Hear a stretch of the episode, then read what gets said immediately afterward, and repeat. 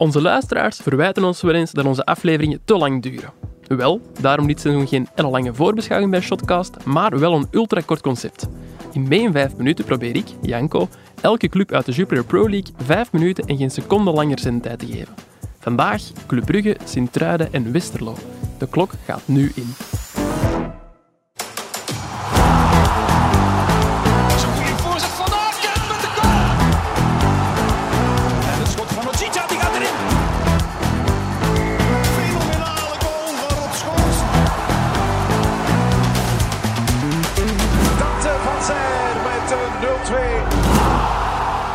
En onze laatste aflevering die beginnen we met Club Brugge.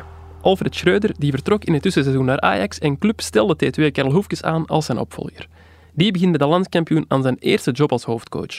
Eens kijken met welke riemen Hoefkes dit seizoen moet roeien. De Mercato. De enige speler die Club Brugge deze zomer al verkocht, dat is Loïs Openda. Die trok voor een kleine 10 miljoen naar het Franse Lens. Fetou Mawassa die wordt dan weer verhuurd aan Montpellier. Verder nam Club ook afscheid van een aantal huurlingen en jongens aan wie het contract afliep. Dost, Adamian en Izquierdo zijn de bekendste namen. Op het moment van opname zijn Charlotte de Ketelaar en Noah Lang nog gewoon spelers van Club Brugge. David van den Broek, onze watcher, die mag eens inschatten of dat ook zo gaat blijven. In procenten uitgedrukt zou ik zeggen uh, ja, 0% of zo. Dat is heel weinig. Dat is heel weinig, ja. Maar, enfin, iedereen weet dat Milan doordoet voor de ketelaren en dat hij zelf nu ook wel echt geneigd is om, om die stap te zetten. Dus ik zie dat op zich wel goed komen. En, en mocht dat dan niet gebeuren, ja, Noah Lang heeft echt wel duidelijk aangegeven dat het voor hem uh, erop zit in België. Dus daar waren we eigenlijk nog al, al zekerder van dat hij zou vertrekken. Natuurlijk, de, de clips moeten komen. En het probleem is dat, Milan, ja, dat hij graag naar Milan wou. En Milan nu met de ketelaar bezig is. Dat is een beetje bizar. Maar er gaan altijd nog wel ploegen zijn die de komende anderhalve maand ook voor, ook voor Lang gaan doorduwen. Zeker als, als je nu ziet ploegen als Leeds die dan... Uh, ook spelers voor 50 miljoen verkopen bij die Premier League ploegen gaat echt wel geld zijn om, om voor zo'n types door te duwen, denk ik. Dat de ketelaren en lang niet voor een spotprijsje zullen vertrekken, dat mag wel duidelijk zijn. Aan de andere kant haalt de club al vier nieuwkomers binnen. Uh, ik zal die even opzommen ook. Uh, ten eerste de Canadese aanvaller Kyle Larin, die we nog kennen van bij Zulte Waregem. Ferran Jutgla, een spits van Barcelona. De Nederlandse linksback Bjorn Meijer, die uh, kwam van Groningen. En niet te vergeten Casper Nielsen, zoals jullie al konden horen in de aflevering die rond Union draaide. Komt daar de komende weken nog iets bij? Uh, in, in, de spits gaan ze nog sowieso investeren. Als de ketelaar vertrekt, hebben ze eigenlijk een nummer 1 nodig in de spits opnieuw. En, en het is al gebleken, uh, voor Moriki hadden ze 10 miljoen euro vuil, of 10 à 11 zelfs. Uh, die is dat uiteindelijk niet gekomen, maar dat bedrag ligt dus wel klaar om voor iemand te geven. Is, van Berikken nu niet, maar het zal, er zal toch een topper komen in de plaats. Uh, ik vind zelf ook een centraal verdediger trouwens geen overbodige luxe om er nog bij te halen. Opvallend, voor de spitspositie passeerde ook ex-Liverpool-spits Andy Carroll in het uh, Belfius Basecamp, maar na die zijn medische testen heeft Club Brugge toch afgezien van een transfer. Eens luisteren wie David tipt als zijn revelatie. Um, op basis van die oefenmatches, is dat, al, die trainingen is dat moeilijk te zeggen, maar, want Buchanan is er nog maar net bij. Die, die sloot later aan door de inter, interlands uh, dat hij gespeeld had. Um, maar Buchanan is voor mij wel een potentiële revelatie. Um, uiteindelijk, uh, die heeft al een redelijk half jaar gespeeld, maar stond nog een beetje in de schaduw van Scovolsen, die, die toch efficiënter was. Dus ik denk dat Buchanan degene is die echt nog kan ontploffen. Ja, qua acties, qua goals. Ik bedoel, er zit nog zoveel meer in dat we al gezien hebben. Dus uh, nu dat die een beetje gerodeerd is, denk ik wel dat, dat we daar naar moeten uitkijken. Ik kijk ook wel uit naar een Bamba, als hij bijtekent en blijft natuurlijk. Maar um, dat is dan een jonge gast uit de eigen jeugd. Uh, het is er volgens mij echt kansen moeten geven. En dat is ook de bedoeling uh, met de aanstelling van Oefkes, denk ik. Dus daar kijk ik wel naar uit. Interessant. Benieuwd of David ook nog een nutteloos weetje voor ons in huis heeft. Fun fact. Verrassing, dit keer geen weetje over Club Brugge, maar wel over onze Club Brugge-watcher. David die is een paar weken geleden uh, ex-clubcoach Philippe Clement gaan interviewen en dat liep niet echt van een leien dakje. Ja, dat is intussen goh, april of mei, denk ik, uh, dat we bij Clement op bezoek waren in Monaco. Uh, goh, ja, dat was misschien iets grappiger. Daar, daar had ik een interview afgenomen met, met de coach, redelijk laat, 7 uur of zo. En de perschef had gezegd wel van, je mag hier op het oefencomplex bij wijze van spreken de hele nacht blijven doorwerken. Alles blijft hier open, uh, geen probleem. Dus ja, toen als ik uh, uiteindelijk klaar was, ik ben nogal een trage werker, rond 11 uur s'avonds, uh, toen probeer, probeerde ik natuurlijk te vertrekken en alles was dicht. Dus ja, heb ik daar in het, in het hoe moet ik het zeggen, het doolhof dat het oefencomplex van Monaco toch wel is. eh, een half uurtje rondgelopen heb ik uiteindelijk eh, met de staart tussen de benen naar Philippe Clement nog moeten bellen, die dan de teammanager heeft ingeschakeld om... eh, die dan op zijn beurt eh, de, de security heeft ingeschakeld om mij toch nog te kunnen buitenlaten. Waarvoor dank Philippe Clement. Prachtig. Tijd om over te gaan naar ploeg 2 en dat is Sint-Truiden. Antwerp haalde Toby Alderweireld naar onze competitie, maar Sint-Truiden pakte vorige winter toch maar uit met de komst van Shinji Kagawa. Vorig seizoen kwam de Japaner niet verder dan zes matchen voor Sint-Truiden. Deze zomer is hij blijkbaar wel blijven verder trainen bij een ploeg in Osaka. Kagawa die wil bij STVV een selectie voor het WK versieren. En eh, ja, dat mag wel wat moeite kosten, blijkbaar. Eens kijken welke vriendjes Kagawa er allemaal bij krijgt. De Mercato. Liberato Kakache, ooit goed voor drie punten bij de Gouden Schoen, die is er mee weg. Net als Matsubara en Balongo. Ook huurlingen Klaus, Hara, Lavallée, Reitz, Russo en Pius vertrokken. Wie bijna zeker ook nog vertrekt, dat is een vriend van de show Steve de Ridder. Die kreeg nog voor de eerste training een sms'je met de melding dat er niet meer op hem wordt gerekend. Wat is daar misgelopen? Sint-Truiden-watcher Gunther Schoofs vertelt het ons. Steve de Ridder was eigenlijk de aanvoerder onder eh, vorige trainer Peter Maas. Dan is vorig seizoen Hollerbach gekomen en ja, vanaf de eerste minuut leek het toch niet helemaal te klikken tussen de Ridder en eh Hollerbach. Want eh, de Ridder was meteen zijn kapiteinsband kwijt. Eh, hij was dan vorig seizoen ook regelmatig geblesseerd, Steve de Ridder. Ehm, en dat is iets, eh, ja, eh Hollerbach is heel gevoelig voor mannen die al aan zijn training dienen over te slaan. Dus echt zeer zwaar arbeiden onder Hollerbach. En ja, de ridder heeft wat pech gehad, een beetje blessures gehad. Heeft zich dan toch knap in de ploeg geknokt. Maar die blessuregevoeligheid, ja, die is hem toch een beetje blijven achtervolgen. Ehm, en ja, volgens de club is hij dan ook vrij prijzig in zijn salaris, waardoor eh, de club dan geprobeerd heeft van hem eh, kwijt te raken, wat, wat nu ook wel lijkt te lukken. Van de andere kant eh, mist de ridder wel een beetje, ja, ziet hij een beetje gebrek aan respect, wat ik, wat ik ook wel kan, eh, waar ik me ook wel in kan volgen. Maar goed, als het, als het niet klikt tussen een trainer en een coach, 100%, dan, eh, ja, dan krijg je een situatie als deze. Afwachten waar de ridder straks belandt. Ondertussen is er blijkbaar ook wat onrust rond Christian Bruls, die zijn kat stuurde naar de oefenmatch tegen Serrain. Hij zou een nieuw contract willen. Aan de andere kant haalde Sint-Truiden al zeven nieuwkomers binnen. De bekendste namen zijn Frank Boya en Gianni Bruno. Die worden gehuurd van Antwerp en A-agent. Eens horen wie Gunther typt als zijn revelatie. Ik verwacht veel van, eh, als revelatie van eh, Amin Al-Dakil. Eh, die liet eh, bij zijn komst naar STVV al heel mooie dingen zien. Heel goede verdediger. Eh, heeft dat in de, in nationale elf van Jackie Matthijssen ook getoond. dat hij daar veel vertrouwen krijgt. Het is echt een zeer betrouwbare, zeer secure, goede verdediger. Met een heel grote toekomst.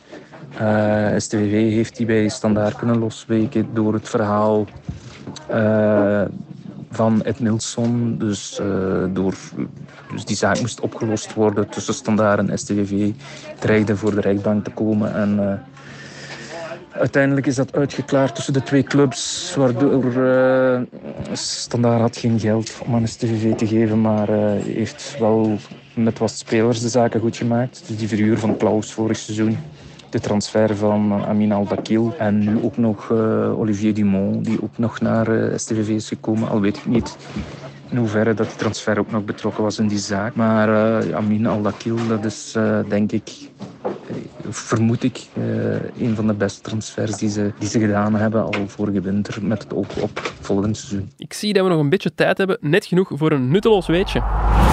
Fun fact. Sint-Truiden, dat blijft toch een beetje de ploeg van de Japanners. En vorig seizoen waren die Japanners na de Fransmannen het best vertegenwoordigd in de Jupiler Pro League, met 16 stuks, en Sint-Truiden als belangrijkste leverancier. Mede doordat er bij Sint-Truiden nu twee vertrokken zijn, blijven er nog maar 11 over. Wat is nu de, na Frankrijk het best vertegenwoordigde land in onze competitie? Dat wil ik wel eens weten van Guillaume. Een quizvraagje voor u. goh, we kunnen mij nooit meer rust laten eigenlijk. Ja. Eh, ehm, dus na Frankrijk, Ja, Frankrijk is het best vertegenwoordigd en dan komt er nog één eh, land na. Nederland, Nee, fout. fout. Ja. Ehm, Colombia, Nee, ook fout. Je mag nog één keer proberen. God, mag ik nog één keer proberen. Eh, eh, pom, pom, pom, pom.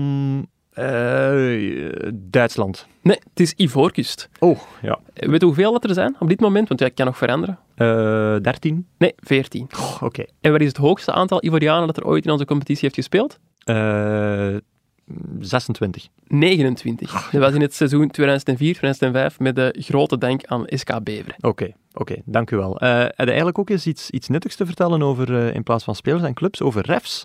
Want daar heb ik u nog niet over bezig gehoord. En die hebben toch ook een presentatie gedaan. En dat hoort wel ook het thuis in het rijtje, vind ik. Nee? Vind je dat? Ik vind dat wel, ja. Ja, ik ben eh, gisteren toevallig in het, eh, het bondsgebouw geweest in Tubeke, waar Ja. het, eh, zowat de nieuwe richtlijnen zijn, zijn toegelicht. Ja. Ehm, ja, echt nieuwe regels komen er niet dit seizoen. Ja. Eindelijk, zei Bertrand Lajek erbij, hebben ze eens geen nieuwe regels moeten invoeren.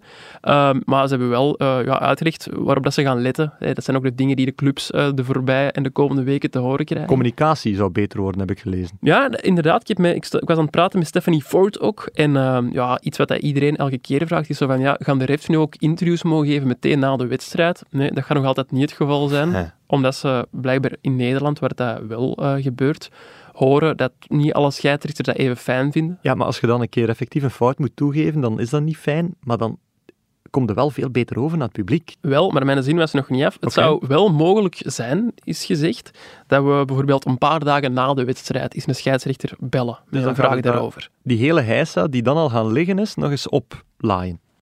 Ehm, ja, maar ik vind wel tof dat er dan nog een verklaring komt. Het is al een verbetering, vind ik. Oké, ja. Ehm, Ja, en voor de benieuwd hoe het gaat lopen. Doe- Ja, en voor de rest zijn er nog een paar dingen waarop ze gaan letten, zoals eh, ja, er moeten minder ellebogen en armen gebruikt worden bij het verdedigen. Dat wordt een focuspunt. Eh, er moet meer uniformiteit komen tussen de, de scheidsrechter op het veld en de VAR. Ja. Die moeten beter op elkaar afgestemd worden. En waar ze ook op gaan blijven letten, zoals ze ook al tijdens de playoffs deden, tot grote frustratie van Hein van Aasbroek, is dat er eh, echt niet meer ges- gegesticuleerd mag worden door spelers en, eh, en, en trainers. Ja, en misschien ook geen bazen meer aannemen wie een, klacht van overschrijdend gedrag boven het hoofd hangt. Die is er ondertussen mee weg. Ah, wel ja. Met dus, weg, amai. dus daar zijn ze niet meer van zinnes om dat te doen. Nee, denk het niet. Oké, goed. Gaan we door met de show. Veel goede voornemens dus bij het referee department. Tijd om over te gaan naar onze laatste ploeg en dat is Westerlo. De allerlaatste ploeg van onze reeks, dat is de nieuwkomer in de Jupiler Pro League. Sinds eh, Westerlo degradeerde, is er wel het eh, een en ander veranderd in het kuipje. Zo is er nu een Turkse eigenaar. En eens horen wij Westerlo-watcher Kirsten Steurbout hoe hard zich dat laat voelen. Het verschil zit hem vooral in, eh, in de sportieve leiding. Daar heeft vicevoorzitter Hassan Setinkaya de touwtjes stevig in handen. Dankzij tien jaar ervaring als sportief directeur bij Fenerbahce heeft hij een, een uitgebreid internationaal netwerk. En dat vertaalt zich ook in een internationale kern. Ja, de tijd dat eh, Westerlo gelijk stond aan FC België, die is voorlopig eh, even voorbij. Al staat er zeker nog steeds een, eh, een brede Belgische basis, eh, zowel op als naast het veld in eh, de technische staf. En eh, ja, dat er ieder jaar een paar Turken in het Kuip in Eerstrijk, dat is door de Turkse connectie niet vreemd. Al blijft dat voorlopig nog wel beperkt. En zien hoeveel Turken de Kempana al hebben binnengehaald. De Mercato. In totaal trok Westerlo al negen nieuwkomers aan. Dat is niet niks. Met Foster en Bernat zijn daarbij wel een paar jongens die vorig seizoen ook al gehuurd werden, maar die nu definitief overkomen. In totaal zijn er drie Turken bijgekomen. Halil Akbunar, een rechtsbuiten, die werd gekocht van Gus Tepe. Eh, ik weet niet of ik dat juist uitspreek, om eerlijk te zijn. Ravil Tagir is dan weer een jonge verdediger die wordt gehuurd van Basak Sehir. En iemand die we allemaal kennen, dat is Sinan Bolat. Waar iedereen dacht dat hij naar een Turkse topclub zou trekken, was het eh, Westerlo dat de keeper van Agent heeft binnengehaald. Hoe is dat gelukt? Ik denk dat daar eh, het contract zeker een, eh, een rol heeft gespeeld. Een speler van 33 die vier jaar zekerheid krijgt, dat is toch ongezien in de voetbalwereld. Ook voor een doelman. Ook het project van, van Westerlo zal Sinan zeker hebben aangesproken. De club wil over een paar jaar Europa in. En daarnaast is er uiteraard nog de Turkse connectie. Al proberen ze die rol eh, in Westerlo zelf eh, te minimaliseren. Bolat komt bij Westerlo de Deen David Jensen vervangen. Die keert na een uitleenbeurt terug naar New York Red Bull. Buiten een paar andere huurlingen en jongens van wie het contract afliep, geen noemenswaardige vertrekkers in het kuipje. Tijd om eens te luisteren wie Kirsten tipt als zijn revelatie. Moeilijke vraag. Offensief heeft Westerlo wel meerdere jongens met potentieel. Al is het eh, natuurlijk de vraag of dat er straks ook in, eh in A zal laten komen. Als ik toch één naam moet noemen, Alal Foster. Hij speelde in uh, 1A over Cercle Brugge, maar was toen nog uh, een beetje te groen. En het is nu aan, aan, hem om te tonen dat hij gegroeid is. Hij is sterk aan de bal, snel en heeft ook een actie in huis. Maar om de volgende stap te zetten moet hij toch nog iets meer het overzicht bewaren en uh, efficiënter worden. In zijn schaduw kunnen misschien ook uh, Daci, Macedonische heeft, of Jan Bernat, een stijlvolle Slovaakse aanvallende middenvelder, zich laten opmerken. En verder is nog gaat kijken wat de Brugse Hurlingen, de Kuiper en Van de Keibus op een hoger niveau, of zij daar kunnen bevestigen. In 1B zijn ze eigenlijk nooit door de mand gevallen. En ik verwacht dat ze straks ook in 1A die lijn zullen doortrekken. Tijd voor een emotioneel moment ons allerlaatste nutteloze weetje van deze reeks. Fun fact. Bij Westerlo speelden met Lucas van Eno en Tuur Dirks een paar vrienden van de show. Wel, als die straks misscherp aan het seizoen beginnen, hebben ze dan mede te danken aan Sibe Hanosse. Dat is de voormalige performance coach van Club Brugge. Samen met onder andere ploegmaat Igor Vetokele, Daan Heijmans en Daan Foulon trokken ze op Intermittent Living Training Camp bij Sibe Hanosse. Wat is dat nu juist? Wel, het komt erop neer dat je uit je comfortzone moet stappen en je lichaam triggert met kortstondige stressprikkels. Om, om op die manier je immuunsysteem te versterken. Koude, hitte, honger, dorst, intensief bewegen, cognitieve uitdagingen, die dingen moeten daarbij helpen. Zo zijn ze bijvoorbeeld een trektocht van vier uur gaan doen in Dardenne op een nuchtere maag. Dus ze mochten zelfs geen slokje water nemen. Zij liever dan ik. Ja, dat is, uh, zijn er ook leuke foto's van opgedoken, hè Janko? Ja, dat was een, een, ik kan even toegeven, die info dat ik net deelde komt uit een stuk van uh, onze Westerlo-watcher Kirsten Steurbout. Oké. Okay. Zag je er vrij pittig uit, inderdaad. Alright. Goed, zeg, uh, ik zou zeggen, that's a wrap voor mee in vijf minuten. Ja, is het gedaan?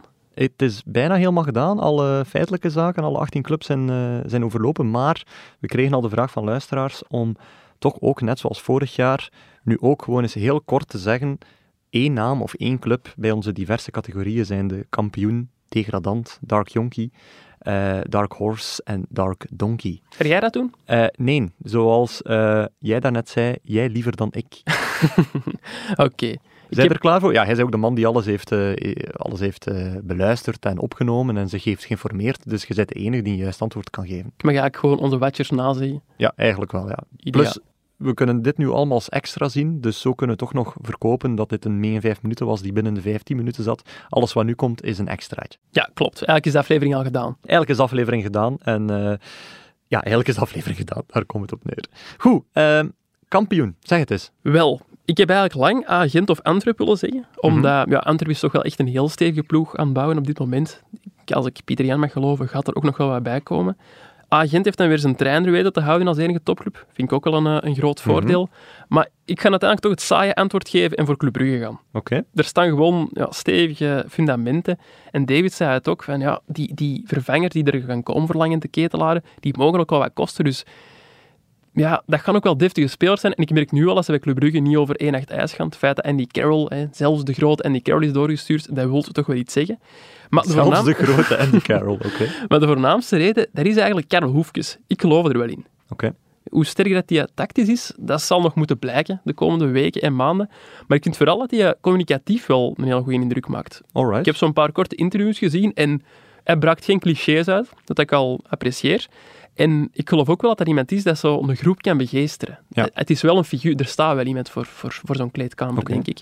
En clubs delen tegenwoordig ook wel eens wat beelden uit de kleedkamers. En ja, dan zie je ook zo speeches van trainers en zo. En alleen mijn Engels is lang niet perfect. Misschien is zelfs mijn Nederlands lang niet perfect. Maar als ik sommige coaches in het Engels bezig hoor, denk ik toch ook wel van... Hmm, ja, dat is toch ook niet alles. En Hoefkes, die heeft een paar jaar in Engeland gezeten, dus op dat vlak zal het ook wel goed zitten bij. Het zou wel beter zijn dan Philippe Clement, bij wie het toch heel hoe zou je het omschrijven, Flemlish of Flemgish was, waar dat er heel veel Vlaams haar op het Engels zat. Hè? Ik wilde geen uh, namen noemen, maar ik noem dat Matrushka Engels. Matrushka Engels, oké. dan, dan, heb ik al spijt Allee, van dat ik naam Nee, nee, ik, ik, wilde niet Philippe Clement, ik moet je straks interviewen. nee, nee, ik wilde gewoon in het algemeen, als je zo ja. iets te Vlaams-Engels spreekt, dan ja. doen we Matrushka Engels. Iedereen kan er zich wel iets bij inbeelden, Sava. Uh, je weet dat de mening van de krant, allez, de mening van ja, alle journalisten samen, moesten dan ook een top 18 ingeven. Yep. En dan komt uit bij een heel lelijke gemeenschappelijke deler die op niets slaat. Uh, en zo vis nog vlees is. Maar daar komt agent naar voren uit als nummer 1. Dus ah, okay. jij zegt Club Brugge. Ik ben dan toch origineel eigenlijk dan. Eigenlijk zijn je origineel. Je, springt uit de dans. Zalig. Dat is goed. Wie degradeert er? Uh, Degraderen? Oei, dat heb ik hier niet opgeschreven. Maar ik weet Oei. wel... ehm, En nadenken kan niet, kan niet op commando. Jawel, ik eh, denk dat de Serij wegvalt. In lijn Dus- met de krant. Ja, ehm, ik vrees ook voor KVO Stende. Ja. Waarvoor mijn excuses, KVO. Ook bij Serij trouwens. Mes Mhm. excuses en français. En ik weet niet dat je dat in het Duits zegt, maar ik denk dat Eupen er na een paar jaar ook van tussen gaat vallen. Oké, goed. En dan nu de leuke dingen, hè? de Dark Yonkie, de Dark Horse en de Dark Donkey. Eh, Dark Yonkie, daarmee bedoelen wij ehm, eigenlijk ja, de revelatie van de competitie, een jonge, nieuwe gast. Ehm, dan ga ik voor Nilson Angulo van Anderlecht. Een eh, 19-jarige Ecuadoriaan. Volgens de gespecialiseerde website zou hij een spits zijn, maar ik zeg nu dat hij door Matsu eh, ook werd uitgespeeld als rechter wingback. Oké. heb- Een beetje zoals Sergio Gomez, een middenvelder was die plotseling ook wingback werd. Ja, als ze dat met die twee gaan doen, dan denk ik wel dat ze met iets te veel aanvallende intenties aan matchen gaan beginnen. Maar bon, dat mag ik Mhm. proberen van mij. Ik heb een compilatiefilmpje van Angelo gezien en ja, dat was best indrukwekkend. Ik weet nu ook wel dat je met van die best-of filmpjes altijd een beetje moet oppassen, want ja, dat ziet er altijd indrukwekkender uit dan dat het in werkelijkheid is. Zou het? Ja, maar ik hoor van mensen die dat er meer van kennen dan ik, toch ook dat hij echt wel iets kan, die Angelo. En ja, hij mag dat nu laten zien van mij. Oké, perfect. Eh, Dark Horse? Dan ga ik Dan u... spreken we over een club eigenlijk en niet over een speler. Nee, dan ga ik u nadoen. Jij bent vorig jaar voor KV Mechelen gegaan. Ik ga dat Ga nu elk doen. jaar voor KV Mechelen. Wel, ik ga dat ook doen. Allee, ik weet dat ze achter de kazerne wel zo wat bang zijn voor de degradatie, hè, omdat ze vrezen, of sowieso een paar sterkhouders zullen moeten eh, laten vertrekken voor het financiële ren. Maar ik vind wel dat ze in de plaats wel een paar heel toffe transfers hebben gehaald. Bolingoli en Ngoy, dat lijken mij gewoon meer dan degelijke spelers voor een Belgische subtopper. En naar die Hernandez, de man die eh, Diederik al tipte, ben ik ook wel benieuwd. Oké. Nu, ehm, als we zeggen Dark Horse, dat moet wel impliceren dat ze beter moeten doen dan, dan anders. Hè. En KV Mechelen is altijd al eh, een ploeg geweest die zo zevende is geworden, of, of zesde. Ehm, dus dat impliceert play-off 1 en niet vanuit uw idee van, oh nee, ze hebben schrik Nee, voor degradatie, dus als ze tiende zijn, dan zijn ze alsnog geslaagd in Dark Horse zijn. Nee, vijven is ook goed. hè. Vijfde is ook. Oké, ja, ik ben zeer benieuwd. En dan de Dark Donkey zijn de, een topclub of een voormalige topploeg die, eh, die eigenlijk volledig door de mand valt. Ja, ehm, ik wist niet goed of ik hier nog standaard mocht zeggen. Rekenen, rekenen die nog bij de topclubs? Ik denk niet dat je standaard nog mocht zeggen. Ja, dan, dan valt Eigenlijk het hadden, die beter als, eigenlijk hadden die beter als Dark Horse opgegeven. Waarom? Nee, want ik geloof niet zo hard eh, moest je erin geloven, dan was het een Dark Horse waard. Maar nu is het geen Dark Donkey meer waard. Dat, dat is te makkelijk. Het moet iemand anders zijn. Ja, dat vind ik... Ja, dat gaat niet lukken, want de andere topclubs maken eigenlijk allemaal wel een vrij degelijke indruk op mij. Union bijvoorbeeld? Ja, ja, gaan we die op, op basis van één seizoen wel bij de topclubs rekenen dan? Dat is ook wel... Nee, maar stel nu dat ze maar dertiende of zouden zijn, of zo zouden zijn, dan, dan telt het wel. Ja, ik ga toch voor standaard, sorry Guillaume. Omdat ik denk oprecht wel dat het dat er goed kan komen met die nieuwe eigenaars. Als ik, als ik zo het hoorde van Thomas, zijn er allemaal wel mannen die al iets hebben bewezen in de voetbalwereld. Maar volgens mij gaat dat nog niet voor dit seizoen zijn. De kern die was vorig seizoen al te weinig. En ja, je ziet nu al dat ze er veel te laat in gang aan het schieten zijn. Door de omstandigheden ook. Ja. En ja, dat lijkt mij gewoon echt niet ideaal als je echt een heel nieuwe ploeg moet opbouwen. En zoals ik al zei, dan maken de andere topclubs op mij toch een betere indruk. En die zie ik niet volledig wegzakken. Ja, ik heb hier dus echt helemaal niets meer te bassen. hè. Oké, goed. Eh, dan zou ik zeggen van, zorg maar dat dat hier allemaal schoon afgesloten wordt. Ik zwijg. Dat horen we graag. Want nu zijn we echt helemaal mee. Ik hoop dat jullie er even hard van genoten hebben als ik zelf en Guillaume. Maandag zijn we al met onze eerste reguliere aflevering met Lars en Frank Raas. Tot dan.